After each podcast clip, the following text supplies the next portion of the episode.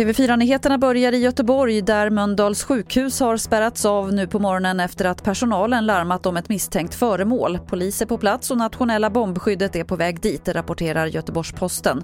Vad det rör sig om för farligt föremål är oklart. Så till USA där det var debatt mellan vicepresidentkandidaterna Kamala Harris och Mike Pence i natt. Så här säger TV4 Nyheternas USA-korrespondent Stefan Borg om debatten.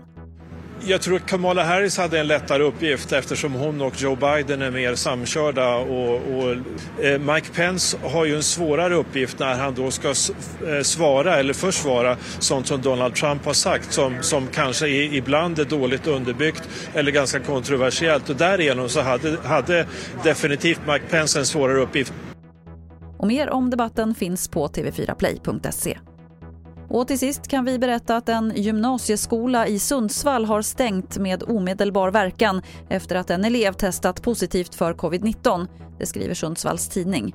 Provsvaret kom igår och då skickade skolan hem de 260 eleverna och runt 30 ur personalen för att undvika ett utbrott. Studierna bedrivs istället på distans. Det var det senaste från TV4 Nyheterna. Jag heter Lotta Wall.